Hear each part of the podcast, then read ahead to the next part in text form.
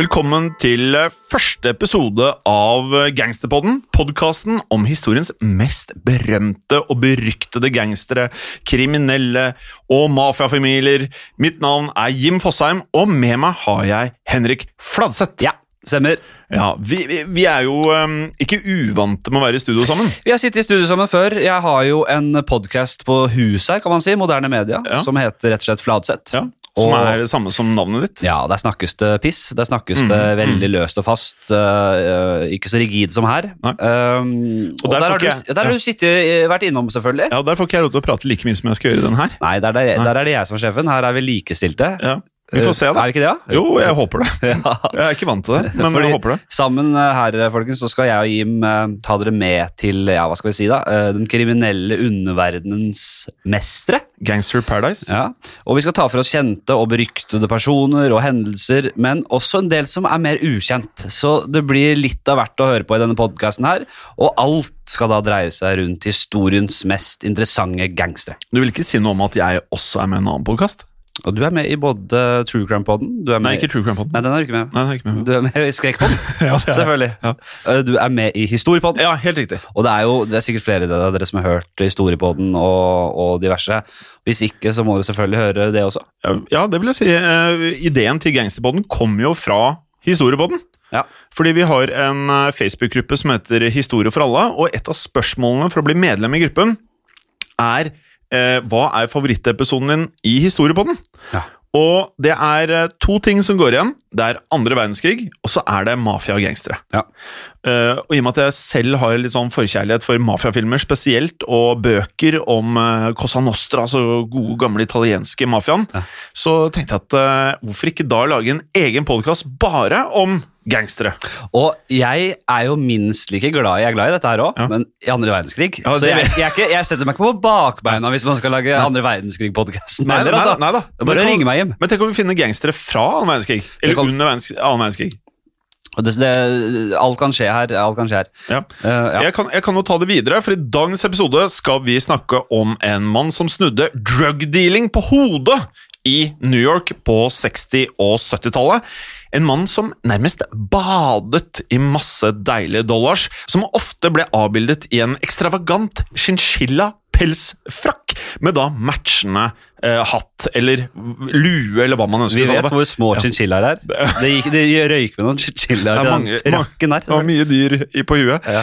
Og likevel ville um, han da sitte i en eh, billig bil, mens han da spionerte på hans egne drugdealere, altså de som solgte heroen hans, eh, som han da hadde labelet Blue Magic. Det var det det het på gata. Saftig, saftig merke.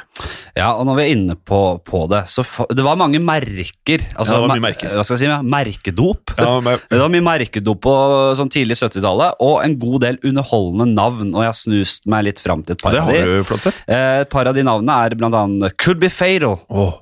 Nice To Be Nice, Oh, Can't Get Enough of That, that Funky Stuff, Revenge, Swear to God, Kill, Kill, Kill, Good Pussy, Insured for Life, Insured for Death. Ja, dette her man, Det er ikke sånn om jeg hadde vært veldig interessert i å kjøpe dop. Ja. Er, tenker kanskje ikke at de navnene er sånn som suger meg inn i den verden, Det skal være farlig, vet du. Det skal være ulovlig farlig. Eh, Could Be Fatal eh, føler jeg liksom er Ja, kanskje den jeg tenkte. ja. Helt klart uh, favoritt hos meg. Ja. Could be fatal. Den Ja. synes jeg er ganske rå, faktisk. Uh, men det var altså Blue Magic som gjorde dagens mann uh, søkkrik. og dagens gangster han er kjent for å ha smuglet heroin på de villeste og mest grandiose måter.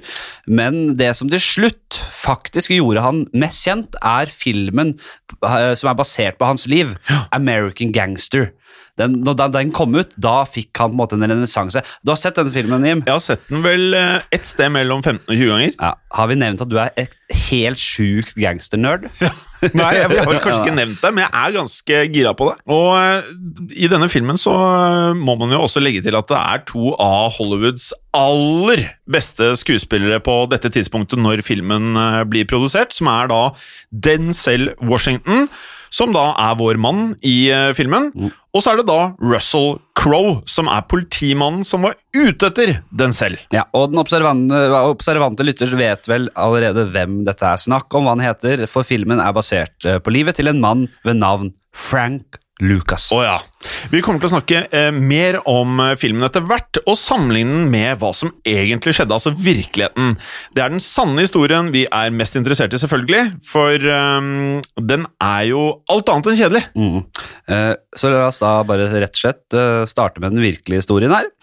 Eller så virkelig som vi får det, eh, kan man si. Fordi denne historien er jo stort sett eh, Det er Lucas selv som Ja. har fortalt dette her. Ja. Eh, og man skal stille noen spørsmålstegn til hvorvidt alt faktisk stemmer. Ja, det, det er jo riktig, vi må jo tenke sånn, men nå er det nå engang slik at mange, eller de fleste vi skal prate om i Gangsterpodden, er jo ofte eh, historier som er basert på eh, fakta, så vel som info fortalt av nøkkelpersonene selv.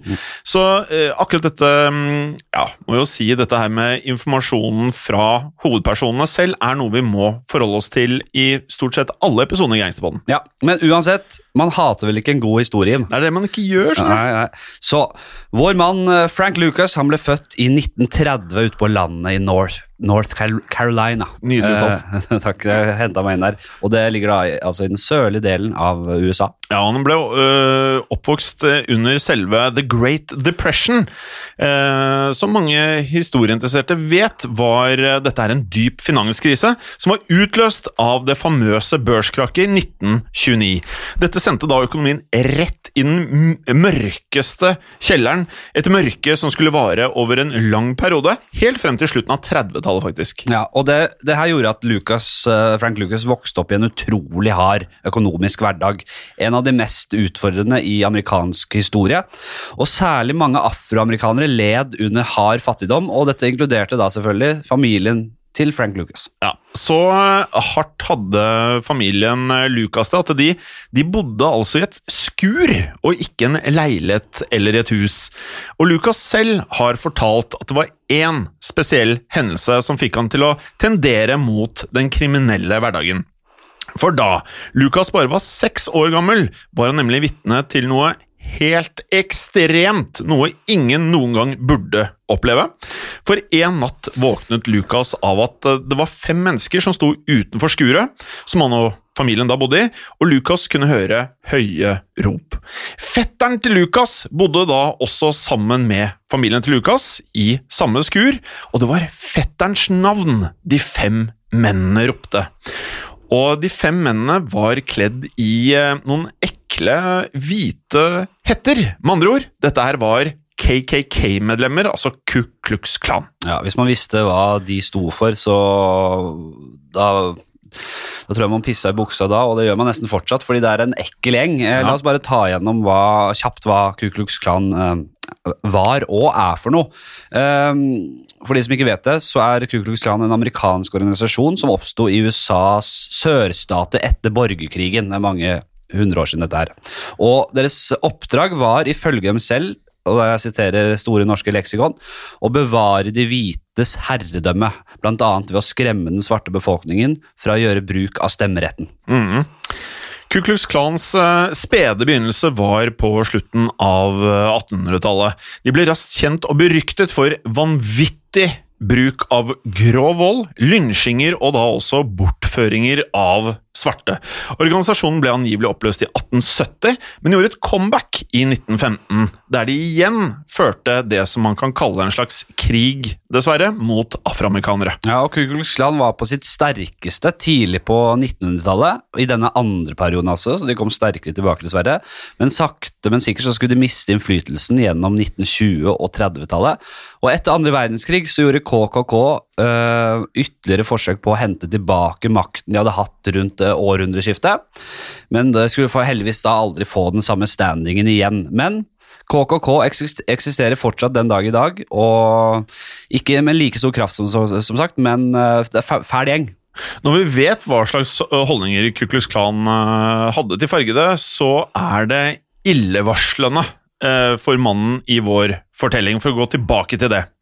For det var nemlig fem stykker av disse som da brøt seg inn i hjemmet til den da fargede afroamerikanske familien til Lucas, midt på natten på 30-tallet. De fem eh, KKK-medlemmene hadde et oppdrag. Og da Lucas sin 13 år gamle fetter kom ut og lurte på hva de ville, grep de han, tok tak i han, holdt han fast, dyttet en hagle inn i munnen hans og trakk av. Ja.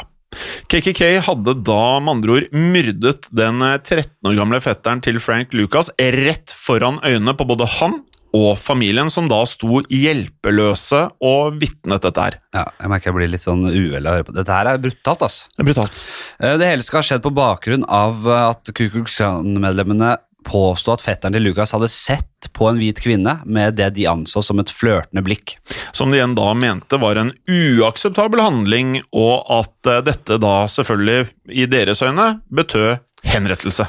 Og Lucas har senere sagt at det var denne hendelsen som var katalysatoren til hans liv som kriminell. Etter at fetteren ble drept, så var Lucas den eldste gutten i familien, og han ble den som måtte steppe opp for at resten skulle ha mat nok til å ja, rett og slett overleve. Mm. For som vi nevnte, så var det ekstreme kår for fattige familier på landet, spesielt i USA. Og særlig på 30-tallet eh, så skulle man da se mye fargede som led under eh, depresjonen. Lucas skulle forgjeves forsøke å finne arbeid. Han så derfor da ingen annen utvei enn å stjele mat, altså for å overleve. Særlig stjal Lucas ofte levende kyllinger. Eh, Fladseth, Ja. du er jo en eh, fyr som virker kjapp i vendingen. Har du er noen gang har du noen gang prøvd å fange en kylling, Fladseth? Jeg, jeg kan ikke huske det. Jeg, jeg, kanskje jeg har det i mine yngre dager. Jeg har i hvert fall sett folk prøve på det, og det virker ikke akkurat veldig lett, nei. Jeg har nemlig prøvd det, Ja, det eh, og det er ikke noe sånn for oss, sånne som oss. Eh, som er litt eh, ja, litt runde i Fyller ut shortsen. Tunge, Eh, i shortsen.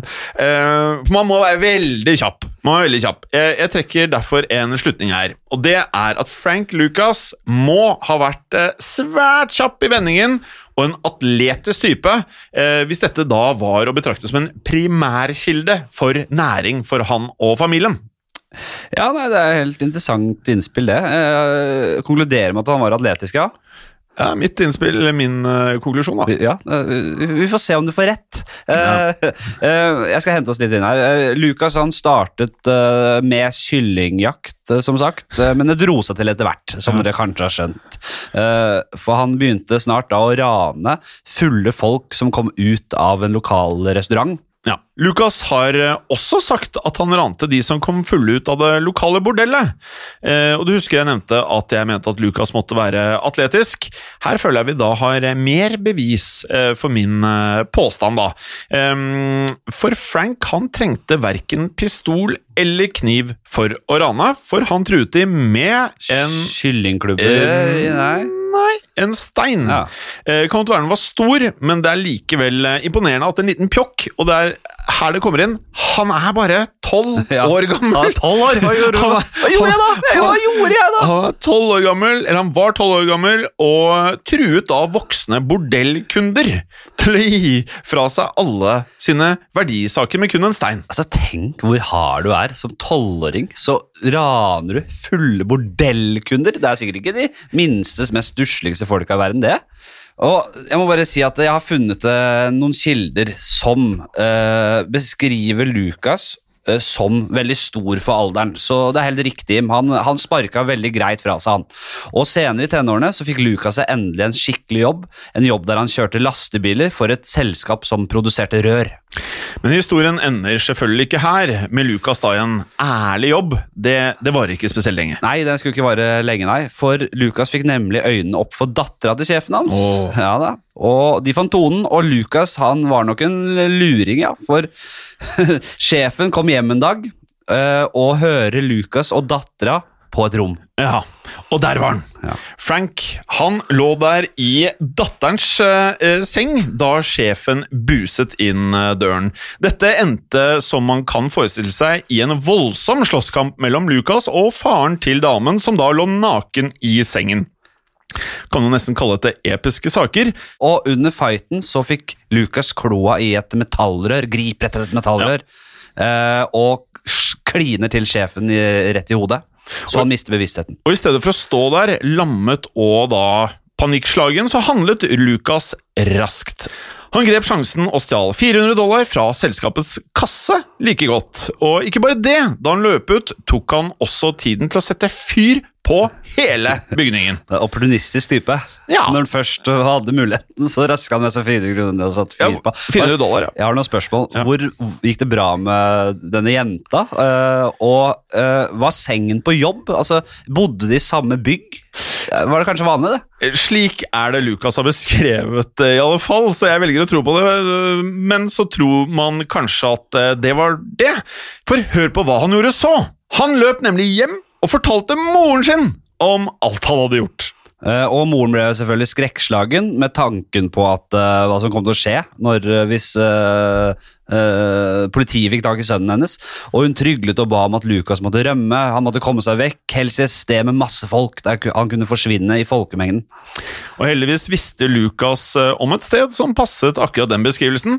Han gjorde som moren ba han om, og reiste til storbyen NY City, New York. Byen der mange berømt og beryktet gangster har ranet og solgt hva enn som vil gjøre dem aller, aller rikest. Vi skal uh, selvsagt innom New York mange ganger i Gangsterpodden. Det er ikke noe å lure på i det hele tatt. Eh, for USAs største by rommet uendelige muligheter for uh, Lucas da han ankom bydelen Harlem i 1946. Harlem ligger da helt eh, nord i Manhattan, og befolkningen der var på den tiden stort sett fargede.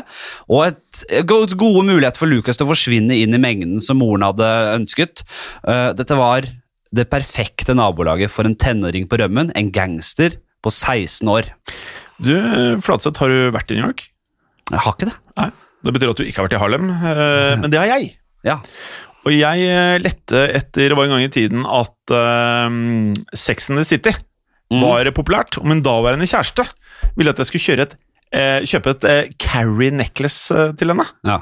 Og jeg kan faktisk fortelle at Harlem er et av de kuleste stedene for meg i Manhattan. Ja. Ja. Så det endrer seg litt. Det er er der Sex and City eh, Ja, det- ja, er, liksom? For meg så er det blitt ganske trendy. Så på denne tiden var det jo eh, veldig eh, Hva skal jeg si Ikke trendy, men du måtte passe deg litt. Ja. Men det har blitt et flott sted. Vi skal høre en del om hvordan Harlem var på den tida vi er i nå. Ja. Det kommer nå, det. Men velkommen til den delen av episoden som virkelig introduserer dere som eh, har oss å gjøre for en av tidenes største gangstere, Frank Lucas.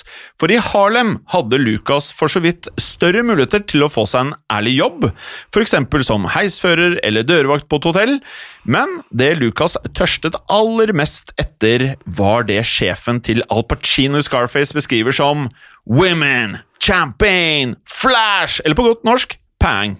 Etter kort tid i byen innså Lucas hvor de virkelig store pengene var. De var i narkotikaen på gatene og i den ulovlige gamblingen i de mørkeste av kasinoer. Ja. Og Lucas var uh, alt annet enn dum. For selv om han, han tørstet etter flash og champagne, så var han samtidig kalkulert og forsiktig. Listig. Han øvde seg opp i kunsten å være kriminell, i stedet da for å kaste seg ut i handlinger med høy risiko som kunne sette han bak uh, murene. Scarface har du sett, uh, Flatseth. Scarface har jeg sett. Ja. Og du eh, vet jo at eh, Al Pacino går etter flash, champagne og women. Ja. Og det ønsker jo selvfølgelig Lucas også. Eh, og Lucas han begynte i det små. Han hadde allerede erfaring med å rane da fulle folk utenfor restauranter og bordeller. I New York tok han det neste steget. Han gikk inn i en liten lokal bar, trakk frem pistolen, rettet den mot bartenderen og krevde alle pengene han hadde i kassa. Fra lokale pubran gikk han videre til å stjele et brett med diamanter fra en juveler. Ja, ikke sant? Så det var ikke noe truing med steiner lenger. Men en vakt oppdaget hva Lucas var i ferd med å gjøre da han skulle rane dette brettet med diamanter, men den observante Lucas spratt eh, rundt og knuste vaktens kjeve med et slag fra knokejernet sitt. Hør på det. han har knokejern, selvfølgelig, også kalt brass knuckles, eller knuckle duster på engelsk. Populært eh, også bare kalt knuckles. Ja, det er beskrivende, vil jeg si. Mm. Bare litt videre på knuckles. Det er sånne metallringer man trer på fingrene, sånn at man gjør ordentlig skade når man måker til folk eh, med knyttneven. Eh, Et vanlig og veldig brutalt våpen. Og du vet det blir knallhardt når gutta bretter opp ermene og, og tar på seg knuckles på begge henda, Jim. Og eh, nå skal jeg bare quize dere lyttere som sitter og hører på dette her. I hvilken grandios mafiafilm er det en av hovedkarakterene blir slått sønder og sammen med ett slag av Brass Knuckles. Da skal dere to sekunder å tenke på det. Én, to Du vet jo, Flatseth. Nei, hva er det? Det er selvfølgelig i Gudfaren 1. Ja. Når Al Pacino vokter eh, sykehuset hvor Marlon Brando ligger eh, sjuk etter han har blitt skutt, så kommer han korrupte eh, politisjefen og kliner ned med Brass Knuckles. Mm. Eh, så tilbake til historien vår. Det velplasserte slaget da som gjorde at eh, Lucas slapp unna med diamantene, og denne suksessen gjorde ham selvfølgelig mer selvsikker. Han følte nå at han kunne sikte enda høyere, og det neste han gjorde, var ikke bare selvsikkert, noen vil faktisk si at det innebærer en enorm risiko det han skulle gjøre. Ja, Lucas brøt seg nemlig inn i en eh, spillklubb der folk gamblet i, i sånn terningspill, og det var med store summer i vente for vinneren, men denne dagen så ble Lucas vinneren. Han brøt seg inn og rana alle disse spillerne, men de gutta var ikke hvem som helst, eh, Jim. Nei. For som Lucas senere beskrev med sine egne ord, they were all gangsters in there. Cool breeze, oh. a lot of them. I walked in, took their money. Now they was all looking for me. Det var litt, kanskje litt sånn mer italiensk sleng over det. Men det her er da direkte, direkte transcript fra hans egne ord, hvis det var noen som lurte på det. Ja, ja. Her er det da en uh, kjapp språklig innskytelse. Cool breeze er visst 70-tallssleng for at noe er kult, eller at eh, noe går smooth glatt. Cool breeze, langt fra det verste jeg har hørt. Ja. Uh, men det viktigste her er det faktum at Lucas nettopp da hadde ranet en haug med gangstere midt i terningsspillet deres. Og da flyr man jo høyt, for nå hadde Lucas tiltrukket seg flere av gangsternes vrede. Det var action, men Lucas han holdt hodet lavt og smatt unna gangsterne til det var trygt å komme opp til overflaten igjen. Han fortsatte med småkriminalitet, og etter hvert så gikk det til salg av dop på gata. Men nå, nå skal vi hoppe litt fram her, til det som skulle bli hendelsen som endres karrieren hans for alltid, vendepunktet. Ja, nettopp. Vi skal nå til året 1966.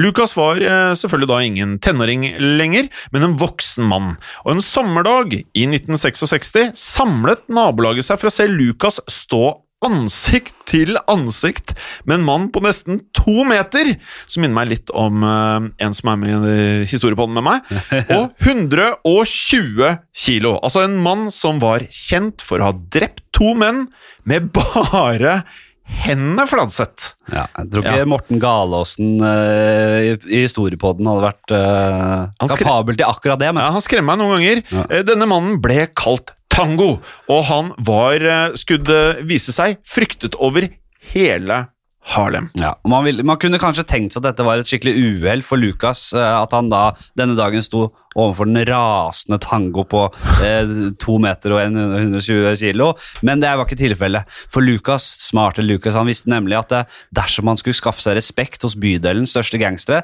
så måtte han vise seg frem. Oh, ja. Og to uker tidligere hadde han funnet Tango og spurt om han ville kjøpe litt dop og betale seinere. Det gjorde selvfølgelig Tango. Og to uker senere så kom Lucas tilbake og krevde pengene for den dopen. Og hva er vel mer naturlig å gjøre enn å nekte å betale hvis du har drept to mennesker med bare hendene? For det var det Tango gjorde. Han nektet å betale. Han ble rasende og truet Lucas, og det var eh, faktisk dette som eh, var en del av eh, planen. Lucas visste nemlig hvor hissig Tango var. Ja, og nå var det skriking og hyling. Naboene strimlet seg, samlet seg rundt for å se denne gorillaen av en mann stå og brøle, og det var ordentlig oppstyr her. Jeg tror ikke vi hadde vært så høye hatten her. Nei, nei, nei. Eh, men da denne gorillaen, denne gigantiske mannen, uh, kaster seg mot Lucas for å ta han, så trekker Lucas raskt en pistol Ja. og skjøt Tango fire ganger rett i huet. Var det, var det sånne lyder, ja? Ja, det var mulig. Ja, Altså, eh, for den observante lytteren altså ble han skutt en gang mindre enn Tupac ble skutt. Som Lucas selv har sagt The boy didn't have no head. The whole shit blowed out back there. That was my real initiation fee into taking over completely down there. Because I killed the baddest motherfucker.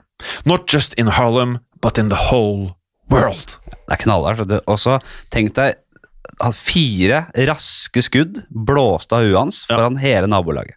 Ja, det, Sterkt. det er knallsterkt. Og eh, fra da så skjøt rett og slett Lucas status rett til himmels. Han har fortalt at han eh, kunne hatt eh, latt en sekk stående med penger på et gatehjørne, merket den med Frank, eh, Frank Lucas, og absolutt ingen ville ha stjålet de pengene. Og da veit du at du begynner å få et navn. Alle visste at Lucas var karen som hadde skutt Tango fire ganger. Ja, og Lucas' første mord det ble avgjørende, men det visste han ikke helt enda. Og, øh, men om ikke lenge så kom han nemlig til å havne på toppen av Harlems underverden. Helt riktig, og veien dit gikk gjennom en annen gangster. Mordet på den beryktede Tango fanget nemlig oppmerksomheten til det som var Harlems konge av ulovlig gambling, dopsalg og utpressing. Ellsworth Johnson, bedre kjent under kallenavnet Bumpy Johnson. Bumpy kom av at han visstnok hadde en kjempestor kul i bakhjul, litt sånn som deg, Flatseth. Nei, du har ikke kul. Nei, jeg har ikke kul, men jeg har kanskje et uh, bakhue som ikke ligner grisen. Nei, Eh, han har i ettertid blitt kalt The Godfather of Harlem fordi han praktisk talt eide gaten i Harlem eh, fra 30-tallet til 60-tallet. Og om dere blir nysgjerrige på Bumper Johnson, så bare gled dere, for vi kommer selvfølgelig til å ha en helt egen episode om han i fremtiden. Om ikke to, Henrik. Jeg kan, jeg kan faktisk avsløre at skrivingen på den episoden allerede er i, i eh, gang. Yes. Men i alle fall, en kveld spilte Lucas biljard mot en leiemorder. Og eh, dette her sier jo litt om hvilket, eh, hvilket liv Lucas hadde. Eh, dette var en vanlig kveld, og det var altså mot en leiemorder han skulle spille. En leiemorder fra mafiaen med det spenstige kallenavnet Icepick Red. Altså Enten så må du være en SoundCloud-rapper eller en gangster. Ja, altså leiemorder med Isak i navnet, det, det, det han tuller du ikke med.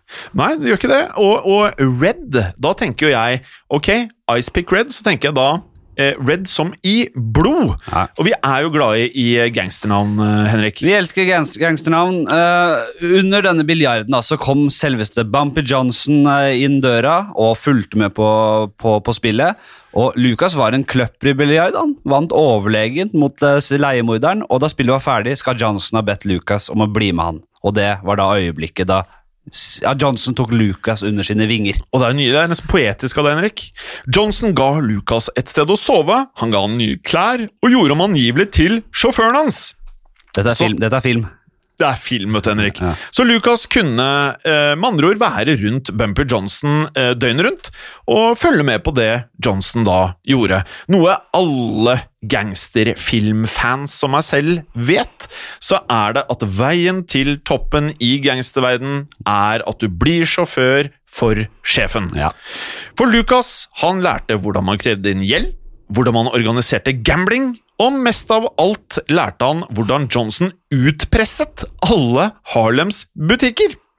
For han sa følgende If you wanted to do business in Harlem, you paid Bumpy or you died. Ja. Og da Lucas ble Johnsons elev, så merket han jo fort at andre gangstere og til og med politiet sluttet å kødde med han. De lot han være i fred, for Lucas han var med kongen av Harlem, eller da gudfaren om du vil. Oh, ja. Og når Johnson skulle spise frokost eh, med byens mest hardbarka gangstere, ja da kjørte Lucas ham dit og ventet utafor, og han sugde til seg all lærdom han kunne. Og det var et godt trekk, Kim, for læremestere de lever ikke for alltid. Nei, det er det de ikke gjør, vet du, Henrik. Det er gjerne sånn med gangsterbosser. De går jo konstant rundt med en eh, svær blink i panna. Um, både for fiender, og da også dessverre for dem sine egne nestkommanderende, som gjerne da kunne tenke seg å ta over. Men selv om vi ofte kommer til å høre i gangsterpodden at de største gangsterne dør av enten bakholdsangrep, at de blir bedratt og skutt, så var det faktisk Bumpys egen kropp som sviktet han. Bumpy Johnson tilbrakte sine siste øyeblikk på en restaurant, og da var det faktisk da hjertet hans som ga opp og sviktet. Ja, Noe så sjelden som en naturlig død hos en gangsterkonge. Ja, det skjer ikke så ofte. Nei. Og Lucas selv han påstod at han var der selv da Bumpy falt om, og at Bumpy døde i armene hans. Og, og, og- og her er vi inne på liksom sånn Det, det, det er ikke helt uh, unaturlig å tenke at uh, kanskje Lucas har dratt på litt her for å skape litt ekstra ja, poetisk innhold her. Eh, Lucas visste at ingen andre kunne være som den sjenerøse Bumpy Johnson, som hadde delt profitten sin med andre, og var kjent som en slags ja, en moderne gangster-Robin Hood-figur på dette tidspunktet. Bumpys Harlem-herredømme sto nå uten en konge. En konge og en trone var noe eh, Lucas ønsket å bli og ha. Og han skulle ikke dele pengene, det visste han. Det han ville, var å bli styrtrik. Hans ønske var å tilegne seg fuck you money. Ja. Som han sa, I wanted all the money, and I wanted all the money for myself. Ja, Ikke bare ville han bli rik, nei, han ville bli white boy rich. Han ville oh. bli Donald Trump rich, som han sa, som, eh, som vel begynte å herje på dette tidspunktet. Ja, ja, ja. ja jeg kunne tenkt meg litt uh, fuck you money selv, egentlig. Eh, det hadde blitt eh, kanskje en Richard Meal-klokke eller en Jacob Co-klokke som eh, 50 Cent kjøpte seg når han gikk fra å være gangster til gangster-rapper. Skulle du hatt en 50 Cent-klokke, altså? Ja. Kler det deg, Eivind? Nei, jeg tror det, det ble for mye det, det ble for mye for deg. Jeg hadde ikke turt å gå med det. det Nei, mye. Jeg hadde ikke turt det. Ja. Nei, uansett, Lucas visste nøyaktig hva som skulle sikre han Harlems ubestridte trone, nemlig heroin. Det er heroinen. Ved å ta over Johnsons territorier og fokusere fullt på dopsalg, så kunne han tjene millioner. Her var det bare ett problem, nemlig den italienske mafiaen. Og de skal vi også selvfølgelig komme eh, innom utrolig mange ganger i Gangsterboden. Ja, og det her, det, der ligger kjærligheten min, ja. Ja.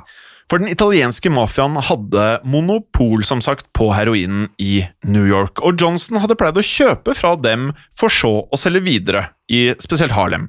Lucas bestemte seg for å bryte italienernes heroinmonopol, og dette var det bare én måte å få gjort, mente Lucas.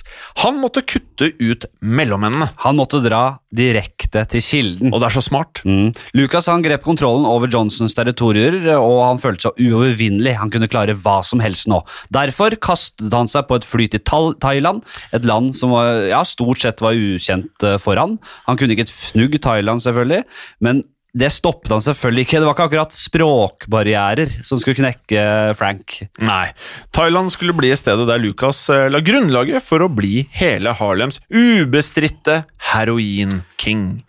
Hvordan han hadde tenkt å bryte mafiaens dopmonopol, og hvilke kreative metoder Lucas brukte for å unngå lovens lange arm, skal dere høre om i episoden som kommer neste uke. Ja, for det er jo helt umulig å få hele denne historien inn i en episode. Da hadde vi vanna den ut litt for mye etter vår smak. Eh, Så derfor så blir det enda mer Frank Lucas eh, neste episode. Og eh, da vil dere høre om blant annet en mann som Lucas kalte den kinesiske 007. Eh, Og dere får høre om hvordan han var så paranoid at han krevde at arbeiderne hans skulle være splitter nakne.